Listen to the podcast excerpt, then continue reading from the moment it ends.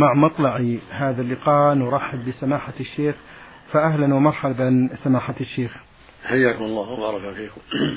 هذه السائلة مستمعة من الإمارات تقول سماحة الشيخ قرأت حديثا عن الرسول صلى الله عليه وسلم يقول من أعظم الذنوب عند الله عز وجل رجل تزوج بامرأة فلما قضى حاجته طلقها وذهب بمهرها فما معنى ذهب بمهرها وما صحة هذا الحديث؟ بسم الله الرحمن الرحيم. الحمد لله. وصلى الله وسلم على رسول الله وعلى آله وأصحابه ومن اهتدى به أما بعد هذا الحديث لا أعلم له أصلا. والواجب على الزوج أن يتقي الله في الزوجة إذا طلقها. إن كان قبل الدخول فله النصف. إذا كان قبل الدخول والخلوة له النصف. كما قال جل وعلا وإن طلقتموهن من قبل أن تمسوهن. قال يا أيها إذا نكحتموهن ثم طلقتم من قبل أن تمسوهن قال جل وإن طلقتم قبل أن وقد وقد فرضتم لهن فريضة فنصف ما فرضتم إذا طلقها قبل أن يخلو بها وقبل أن يمسها يكون له النصف ولها النصف. أما إذا كان دخل بها جامعها أو خلا بها ثم طلقها فإنها يكون لها المهر كله. وليس له شيء منه. نعم. أه، تقول سماحة الشيخ هذه السائلة من الإمارات سمعت أن آية في كتاب الله عز وجل وهي في قوله تعالى قل يا عبادي الذين أسرفوا على أنفسهم لا تقنطوا من رحمة الله إن الله يغفر الذنوب جميعا إنه هو الغفور الرحيم. تقول سمعت بأن هذه هي أرجى آية في القرآن العظيم فما معنى ذلك؟ لأن الله سبحانه وعدها بالمغفرة وعد المسلمين بالمغفرة. فهي بهذا المعنى أرجى آية. ولو ماتوا على الذنوب العظيمة إذا تابوا منها. هذه الآية أجمع العلماء رحمة الله عليهم على أنها في التائبين.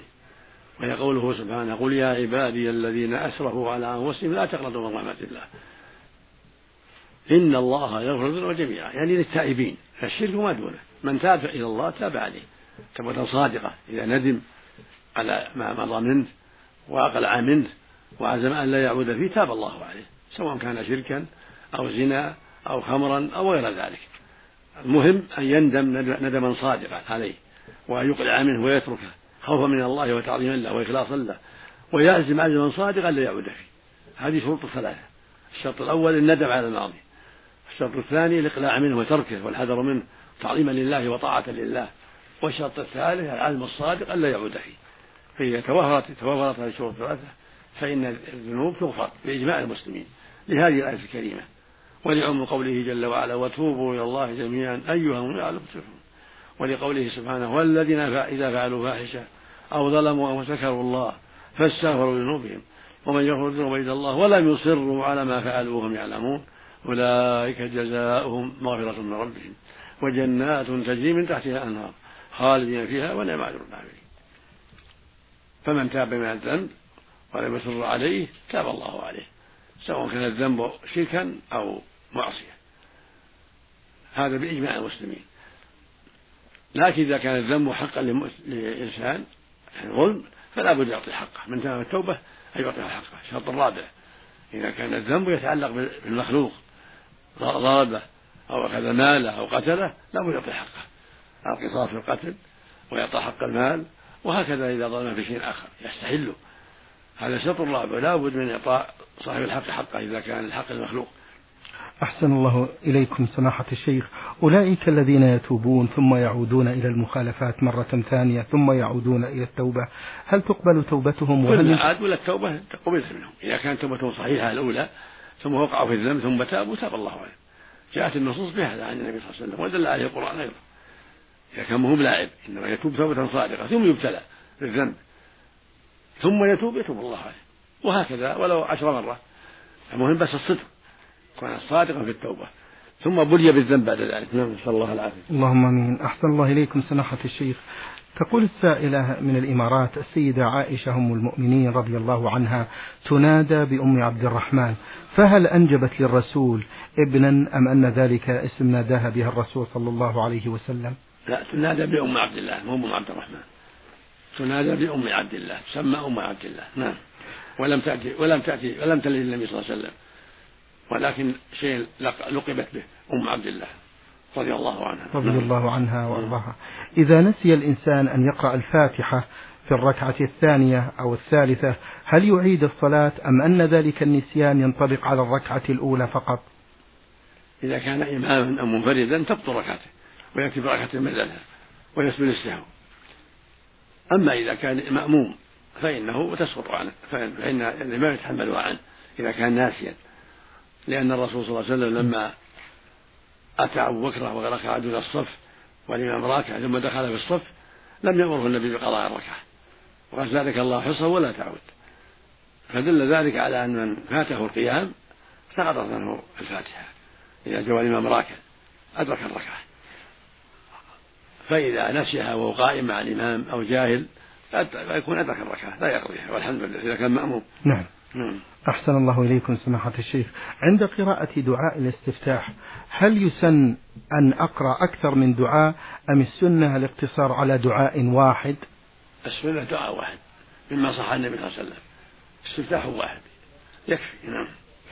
في آخر أسئلة السائلة تقول سماحة الشيخ حفظكم الله إذا وافق يوم الاثنين يوما من أيام البيض أو كفارة يمين هل يجوز لي النية بصيام سنة الاثنين ويوم وأيام البيض أو كفارة اليمين معا أو الثلاثة معا؟ إذا كان واجب الصوم واجب لابد من نية الصوم الواجب اللي عليه. أما إذا كان تطوع الحمد لله إذا وافق يوم الاثنين وافق أيام البيض خير خير والحمد لله. أما إذا كان قضاء واجب لابد من نية الواجب سواء يوم الاثنين أو غير الاثنين. يبدأ بذلك قبل قبل النافلة قبل البيض وقبل غير البيض إذا كان على المرأة والرجل صوم واجب فإن يبدأ به قبل النافلة. آه هذه السائلة سماحة الشيخ تقول معنى بن زائدة هل هو صحابي أو تابعي؟ ما يحضر الآن لا يحضر في في أحسن الله إليكم. فصل آخر إن شاء الله. طيب. في لقاء آخر إن شاء الله. نعم. أه، سماحة الشيخ تقول السائلة هل يجوز أن أصلي السنة القبلية أو البعدية قبل أو بعد الصلاة بنصف ساعة أو ساعة؟ تقول هل يجوز أن أصلي السنة القبلية أو البعدية قبل أو بعد الصلاة بنصف ساعة أو ساعة؟ لا حرج. ما دام دخل الوقت. السنة القبلية أو البعدية في الوقت لا بأس. ولو تأخرت عن الصلاة أو تقدمت. كان بعد الزوال سنة الظهر. وبعد الظهر قبل العصر كله طيب نعم. أحسن الله إليكم. تقول السائلة هل يجوز أن أحمل المصحف وأقرأ منه في صلاة الفرض حيث أقرأ السور التي لا أحفظها؟ وفي النافلة أيضا هل يجوز أن أحمل المصحف؟ لا حرج. لكن كون تقرأ عن ظهر قلب أخشع وأقرأ بالخشوع. ولو قرأ المصلي من المصحف فلا حرج.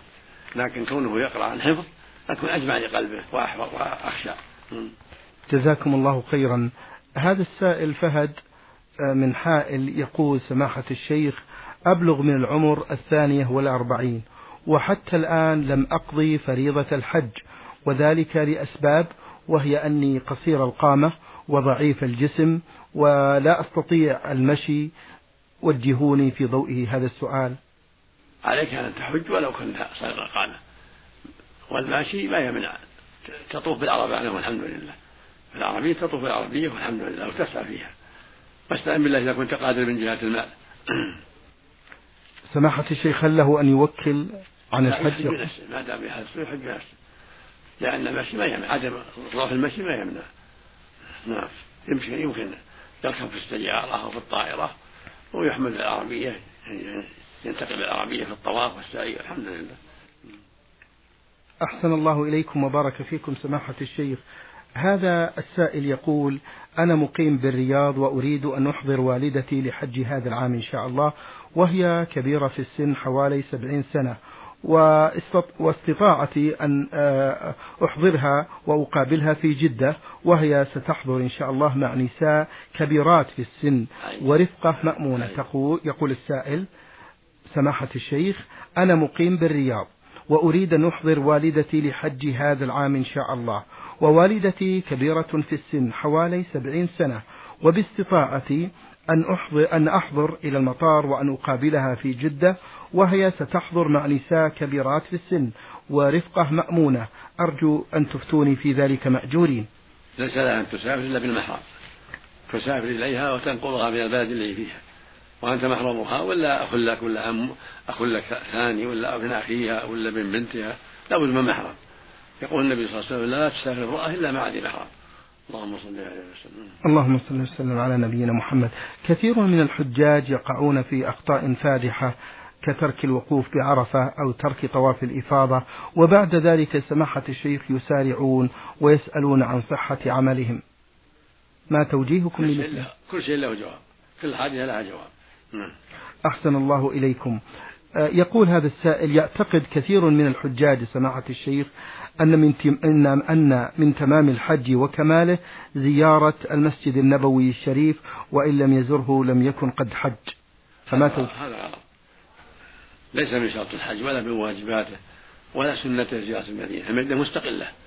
زيارة المدينة سنة مستقلة. يستحب زيارة المدينة والمسجد النبوي والسلام على النبي صلى الله عليه وسلم من من بلده رأسا إلى المدينة. ولو ما جاء الحج إذا كان على الحج. المقصود أن زيارة المسجد النبوي ليس مربوطا بزيارة بالحج لكن الغالب الناس على الناس إذا جاءوا للحج سهل عليهم زيارة المسجد النبوي. وإلا فليس شرطا لو حج وذهب إلى وطنه فلا نقص عليه والحمد لله. لكن إذا زار المسجد النبوي يكون أفضل. لأن الرسول صلى الله عليه وسلم قال لا تشد الرحال إلا إلى ثلاث مساجد المسجد الحرام ومسجد هذا ومسجد الأقصى. فالسنة زيارة المسجد النبوي إذا تيسر ذلك وإذا زار المسجد صلى فيه وسلم على النبي صلى الله عليه وسلم وعلى صاحبه رضي الله عنهما وسلم على أهل البقيع وعلى الشهداء واستحب له يزور مسجد قباء أيضا ويصلي فيه. كل هذا سنة. لكن مو في الحج لو لو في غير الحج. لو جاء بسفر مستقل. وإذا جاء الحج ثم زار المدينة خير إلى خير آه، حفظكم الله. سماحة الشيخ لكن آه، ألا ترون أن بعض العلماء الذين صنفوا في كتب المناسك يختمون أو يكتبون بفصل بفضل زيارة المسجد النبوي؟ ألا ترون يا سماحة الشيخ أن هذا من أسباب فهم الحجاج؟ لا لا أسهل على الناس إذا جاءوا للحج نعم. من الشام أو من اليمن أو من جهات بعيدة. أسهل عليهم يزوروا المدينة لأن قصد المدينة بسفر مستقل قد لا يتيسر لهم. لكن إذا جاءوا إلى الحج كان زيارة المسجد النبوي أيسر. ولهذا كان العلماء الزيارة في الحج في في أبواب الحج. كتاب الحج لكن الزيارة أسهل على الحجاج. نعم. إذا جاءوا إلى مكة ما بقي عليهم إلا مسافة قصيرة ويأتون المسجد النبوي. هذا السبب. ولا هو ليس مربوطا بالحج. طيب. زيارة المسجد النبوي غير مربوطة بالحج. لو زار زيارة مستقلة ليس مع الحج فهو سنة مستقلة. نعم. أحسن الله إليكم. هذا سائل للبرنامج من الأردن عمان. أما حديث من حج فلم يزرني فقد جفاني حديث ضعيف غير صحيح. موضوع. نعم. نعم. أحسن الله إليكم سماحة الشيخ. آه، من الأردن هذا السائل أرسل بمجموعة من الأسئلة. يقول يا سماحة الشيخ إذا صادف يوم عاشوراء يوم السبت فهل يجوز لنا أن نصومه؟ لا حرج أن يصوم يوم السبت مطلقا. في الفرض والنفل والحديث الذي فيه النهي عن صوم السبت حديث ضعيف مضطرب مخالف للأحاديث الصحيحة. فلا بأس أن يصوم المسلم يوم السبت سواء كان عن فرض أو عن نفل ولو ما صام معه غيره. والحديث والحديث الذي فيه النهي عن صوم السبت إلا في الفرض حديث غير صحيح. بل هو ضعيف شاذ مخالف للأحاديث الصحيحة. أحسن الله إليكم. من أسئلة هذا السائل من الأردن يقول يا سماحة الشيخ إذا أردنا أن نصوم ستة أيام من شوال بشكل تتابعي وصادف في أحد الأيام آه، يوم السبت فهل نصوم ذلك أم نفطر؟ مثل ما تقدم. الأفضل يصوم متابعة. وصوم يوم السبت لا بأس به ولا مفردا لأن الحديث فيه النهي عن صوم يوم السبت إلا فيما افترض علينا حديث ضعيف كما تقدم لا يصح عن النبي صلى الله عليه وسلم. أحسن الله إليكم. هذه مستمعة من السودان. أرسلت المجموعة من الأسئلة تقول سماحة الشيخ إذا أردت أن أستدل بأقوال الرسول صلى الله عليه وسلم أقول دائما قال الرسول صلى الله عليه وسلم وأذكر الحديث دون ذكر السنة أو دون ذكر السند. هل هذا صحيح أم من الضروري ذكر السند؟ إذا كنت رجل سائل سائلة مستمعة من السودان. إذا كنت تعلمين صحة الحديث فلا حاجة. اذكري قال رسول الله. إذا كان عندك علم أن الحديث صحيح لا بأس أن تقولي قال رسول الله ولا حاجة إلى السند ولا حاجة إلى ذكر الصحابي. لكن إذا ذكرت الصحابي قال أبو هريرة عن ابن عمر عن أبي سعيد عن فلان عن النبي صلى الله عليه وسلم لا بأس. أما السند لا حاجة إليه. ليس ليس هناك حاجة للسند إذا كنت تعلمين أن الحديث صحيح. لكن إذا ذكرت الصحابي قال عن أبي عن النبي صلى الله عليه وسلم عن أبي سعيد عن النبي عن أنس عن ابن عمر عن كذا لا هذا حسن. أما إذا كنت لا تعلمين صحة الحديث وليروى عن النبي يذكر عن النبي لا تجزمي. وليروى بصيغه التمريض يذكر عن النبي صلى الله عليه وسلم كذا وكذا ذكر فلان كذا ذكر أبو داود كذا ذكر الترمذي كذا ذكر ابن ماجه كذا ذكر الإمام أحمد كذا ذكر مالك كذا. هذا أما إذا كان في الصحيحين في البخاري ومسلم لا بأس أن تجزم روى البخاري في صحيحه روى مسلم في صحيحه عن عن النبي صلى الله عليه وسلم قال كذا وكذا أو انه فعل كذا وكذا. لأن هذه الصحيحين أمر متلقاة بالقبول.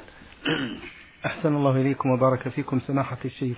السائلة أم عبد الله تقول بعض النساء تقول بأن حجتها الأولى ما أقنعتها حيث حجت في أعوام سابقة وترى أن تعيدها بسبب كثرة الأخطاء التي حصلت في أعوام سابقة. فهل تجزئها الحجة الأولى؟ حج النافلة مطلوب. حج نافلة مرة أو مرتين كله مطلوب. طيب الحمد لله. أما الحجة الأولى ينظر فيها. عليها أن تبين الأسباب اللي أشكلت عليها حتى ينظر فيها. أما دعوى أهل صحيح وصحيح ما, ما, نعلم الغيب منه. الغيب لا يعلمه إلا الله. لكن عليها أن أن تبين ما وقع لها من الإشكال حتى حتى تجاب. أحسن الله إليكم. في الفقرة الثانية من أسئلة السائلة أم عبد الله تقول سماحة الشيخ ما تقولون في من حج وهو لا يصلي ثم تاب بعد ذلك وبدا يصلي؟ هل يلزمه أن يعيد الحج؟ نعم يلزمه. إذا كان لا يصلي ثم ثم تاب الله عليه يعيد الحج. لأن الرسول قال بين الرجل وبين الكفر والشرك ترك الصلاة. وقال عليه الصلاة والسلام العهد الذي بيننا وبينهم الصلاة فمن تركها فقد كفر. فالحج الذي قبل ذلك لا يجزي. وعليه بعد التوبة أن يعيد الحج. أحسن الله إليكم سماحة الشيخ. من أسئلة السائلة المستمعة من السودان تقول لسماحة الشيخ إذا ذهبنا للعزاء أو لعزاء شخص ما تقول قبل أن نصافح أهل الميت نرفع آه، الأيدي وندعو للميت ثم نقوم بمصافحتهم. هل هذه العادة صحيحة؟ لا لا يكون لها أصلا. لكن الدعاء الميت لا بأس. قبل أو بعد. أما رفع الأيدي واعتيادها لا أصل له. لكن إذا الإنسان سلم عليه ودعا لميتهم قبل أو بعد لا حرج كله طيب. أما رفع اليد قبل ذلك والدعاء قبل ذلك هذا ما أعرف له أصلا. أحسن الله إليكم. في آخر أسئلة هذه السائلة من السودان تقول سماحة الشيخ حفظكم الله بالرغم من أنني أقوم بأداء واجباتي الشرعية من صلاة وصوم وغيرها لكنني أعيش في قلق دائم ونفسي ونفسي تحدثني بأن أعمل أعمال, أعمال غير مقبولة عند الله وأن أترك أداء الواجبات آه، فهل من نصيحة لذلك لي؟ نعم هذا من الشيطان هذه من وسوس الشيطان الواجب عليك تعوذ بالله من الشيطان عند حدوث هذه الخواطر قل أعوذ بالله من الشيطان الرجيم. أعوذ بالله من الشيطان الرجيم. واجتهدي في الخير والعمل الصالح وأحسن الظن بالله. يقول النبي صلى الله عليه وسلم يقول الله جل وعلا أنا عند ظن عبدي وأنا معه حين وأنا معه حين يذكرني فعليك بحسن الظن بالله. واتركي وساوس الشيطان وعمل الخير واجتهدي في الخيرات وأبشر بالخير. آه، الخواطر السيئة التي تراود الإنسان في نفسه لما خطرت تقول أعوذ بالله من الشيطان. الرسول أمرهم لما ذكروا الخواطر أمرهم أن يتعوذوا بالله من الشيطان الرجيم. جزاكم الله خيرا. ويقول عند عند ذلك أيضا آمنت بالله ورسوله. إذا كان خواطر في الدين أو في صفات الله أو في الجنة أو في النار يقول آمنت بالله ورسوله. أعوذ بالله من الشيطان الرجيم. أحسن الله إليكم وبارك فيكم سماحة الشيخ. ما هي الطريقة المناسبة لإقامة مراسم الزواج والمآتم مأجورين؟ الزواج يجب إعلانه عند أهل الزوجة وأهل الزوجة يجب إعلانه حتى يعلمه الجيران والناس. أمر النبي بإعلان النكاح حتى يعرف أنه نكاح مو بزنا. أما المآتم لا المآتم يجب تركها. الواجب ترك المآتم والبدع. نعم. أحسن الله إليكم. بالنسبة لحكم الشرع في نظركم سماحة الشيخ في الأكل والشرب من طعام المآتم؟ لا لا يستجاب لا يستجيب لهم ولا يحضرهم. يخدعه على الميت من أجل الميت لا. أما إذا دعوه لطعام سيق إليهم وبعث إليهم لا بأس. إذا بعث إليهم جيرانهم أو أقاربهم طعاما فلا بأس. سنة أن يبعث من الطعام فإذا دعوا جيرانهم ليأكلوا معهم لا بأس. أما أن أهل الميت يصنعون للناس يقيمون مأتهم لا. هذا بدعة. أحسن الله إليكم. سماحة الشيخ هذا السائل يقول ماذا على المرأة؟ إذا صلت الظهر يوم الجمعة أثناء الخطبة أو بعد الأذان مباشرة؟ ليس عليه شيء. إذا كان بعد الزوال بعد الأذان الأخير تصلي الظهر في بيتها لا بأس. نعم. جزاكم الله خيرا. آه، من أسئلة هذا السائل يقول حكم الصلاة قبل سنة الفجر أي بعد الأذان الثاني؟ السنة أن يصلي سنة فقط في بيته أو في المسجد ولا يصلي سواها. النبي صلى الله عليه وسلم قال لا صلاة بعد طلوع الفجر إلا ركعتي الفجر. إذا طلع الفجر يصلي سنة الفجر فقط سواء في بيته ولا في المسجد. ثم الفريضة. انتهى التطوع. أحسن الله إليكم. هذا السائل عيد جيم ميم له مجموعة من الأسئلة. يقول سماحة الشيخ إذا مات الشخص عندنا آه، في آه، آه، قريتنا يبنون أو يقيمون له فاتحة ثلاثة أيام ويذبحون له بعضا من الخراف والنساء تبكي بصوت عال جدا ويحملون الميت إلى المقبرة ويطلقون النار. فما الحكم في ذلك؟ كل هذا منكر. كله منكر. الصياح منكر إقامة الولاية منكرة وإطلاق النار منكر. كل هذا لا الواجب الصبر والاحتساب والحمد لله. والبكاء بالدمع العين من دون صوت لا بأس. البكاء مثل ما قال صلى الله عليه وسلم العين تدمع والقلب يحزن ولا نقول إلا ما يرضي الرب. وإن بفراق يا إبراهيم لمحزون لما مات ابن إبراهيم عليه الصلاة والسلام. وقال صلى الله عليه وسلم إن الله لا يعذب بدمع العين ولا بحزن القلب ولكن يعذب بهذا وأشار إلى لسانه ويرحم. الرسول لعن النائحات ونهى عن النوح. وقال أنا بريء من الصالقة والحالقة والشاقة. يعني عند المصيبة. الصالقة لترفع صوتها عند المصيبة والحالقة تحرق شعرها عند المصيبة. والشاقة تشق ثوبها عند المصيبة وقال صلى الله عليه وسلم ليس منا من لطغ الخدود أو شق الجيوب أو دعا بدعوى جاهل يعني عند المصائب وقال جرير رضي الله عنه بن عبد الله البجلي كنا نعد الاجتماع إلى الميت وصنعة الطعام بعد الدفن من الرياح. فلا يصنعون للناس طعاما ولا يجمعونهم لكن إذا بعث إليهم أقاربهم أو جيرانهم طعاما هذا لا سنة. لما جاء نبي جعفر لما قتل في الشام قال النبي صلى الله عليه وسلم لأهل بيته اصنعوا لأهل جعفر طعاما فقد أتاهم ما يشغلهم فإذا جاء بعث إليهم جيرانهم أو أقاربهم طعاما هذا لا بأس. أما أنهم يصنعون هم على الميت طعاما للناس ويقيمون وليمة للناس هذا لا لا لا, لا يجوز. نعم. أحسن الله إليكم وبارك فيكم. سماحة الشيخ من أسئلة السائل عيد جيم ألف يقول سماحة الشيخ هل تجوز الصلاة في غرفة النوم؟ لا بأس. صلي النوم ولا حرج. الحمد لله. نعم. بالنسبة للتيمم يقول إذا لم يوجد عندي ماء كيف أتيمم؟ إذا كان ما تستطيع الماء تضرب التراب بيديك تمسح وجهك وكفيك ضربة واحدة. تمسح الوجه ثم تمسح اليدين ظاهره وباطنهما بضربة واحدة كما علم النبي صلى الله عليه وسلم عمار بن ياسر.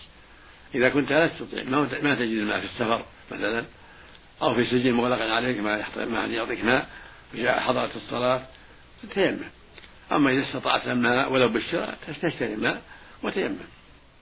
ولا تيمم. أحسن الله إليكم سماحة الشيخ وبارك فيكم. السائلة التي رمزت لاسمها بنون السودان. سؤالها مكون من عدة فقرات وتذكر سماحة الشيخ بأنها فتاة ملتزمة وتحمد الله على ذلك وتبلغ من العمر 34 عاما تقدم لخطبتها تقول قريب لي ولكنني رفضت هذا الزوج للأسباب التالية. أولا لا يؤدي الصلاة في جماعة المسلمين يؤمن بالسحرة يصغرني في السن بعامين أمي لا يعرف القراءة والكتابة ويكثر من مجالسة النساء. قد أحسنت في رفض قد أحسنت في رفض إذا يقول النبي صلى الله عليه وسلم خطب إليكم من ترضون دينه وخلقه فزوجوه. هذا لا يرضى خلقه ولا دينه فقد أحسنت في رفضه. وأسأل الله أن يعطيك الزوج الصالح خيرا منه. آمين. جزاكم الله خير يا شيخ. آه هذا سائل للبرنامج. يقول السائلة للبرنامج تقول آه، اضطريت للسفر للمملكة بدون محرم ومعي ابني يبلغ من العمر خمس سنوات وذلك كطلب من زوجي حيث أن الظروف لا تسمح بترك عمله والنزول لاصطحاب والعودة بمرة أخرى فما حكم ذلك مأجورين؟ عليك التوبة إلى الله هذا معصية وخطأ. وعليك التوبة إلى الله. والصبي من خمس ما يكون محرم. هذا صغير. المحرم يكون بالغ. من خمسة عشر فأكثر. وعليك التوبة إلى الله والله يهدي الجميع. ما هو السن سماحة الشيخ المناسب التي تزول به الخلوة من الصغار؟ خمسة عشر سنة فأكثر إلا إذا بلغ قبله. بإنبات الشعر الخشن حول الفرج أو بإنزال المني عن شهوة إذا بلغه من عشر أو ثلاثة عشر أو أحد عشر أو عشر لا بأس. وإلا فالسن خمسة عشر. أحسن الله إليكم سماحة الشيخ. من أسئلة هذه السائلة تقول والدي على قيد الحياة وأرغب في عمل عمرة له حيث أنه غير قادر على أداء المناسك العمرة فهل هناك رياء في إعلامه بأنني عملت له عمرة. إذا كان عاجزا لكبر سنه أو مرض لا يرجى برأه وحجيت عنه فلا بأس ولو ما علمت جزاك الله خير هذا من بره إذا كان عاجزا لكبر سنه أو لأن المريض لا يرجى برأه وحججت عنه فلا حاجة إلى إخباره ولا سؤاله. وأبشر بالخير والأجر. الحمد لله. شكر الله لكم يا سماحة الشيخ وبارك الله فيكم وفي علمكم ونفع بكم الإسلام والمسلمين. أيها الإخوة والأخوات أجاب عن أسئلتكم سماحة الشيخ عبد العزيز بن عبد الله بن باز المفتي العام للمملكة العربية السعودية ورئيس هيئة كبار العلماء. شكر الله لسماحته على ما بين لنا في هذا اللقاء الطيب المبارك وشكرا لحضراتكم. وفي الختام تقبلوا تحيات زميلي مهندس الصوت فهد بن محمد العثمان والسلام عليكم ورحمة الله وبركاته.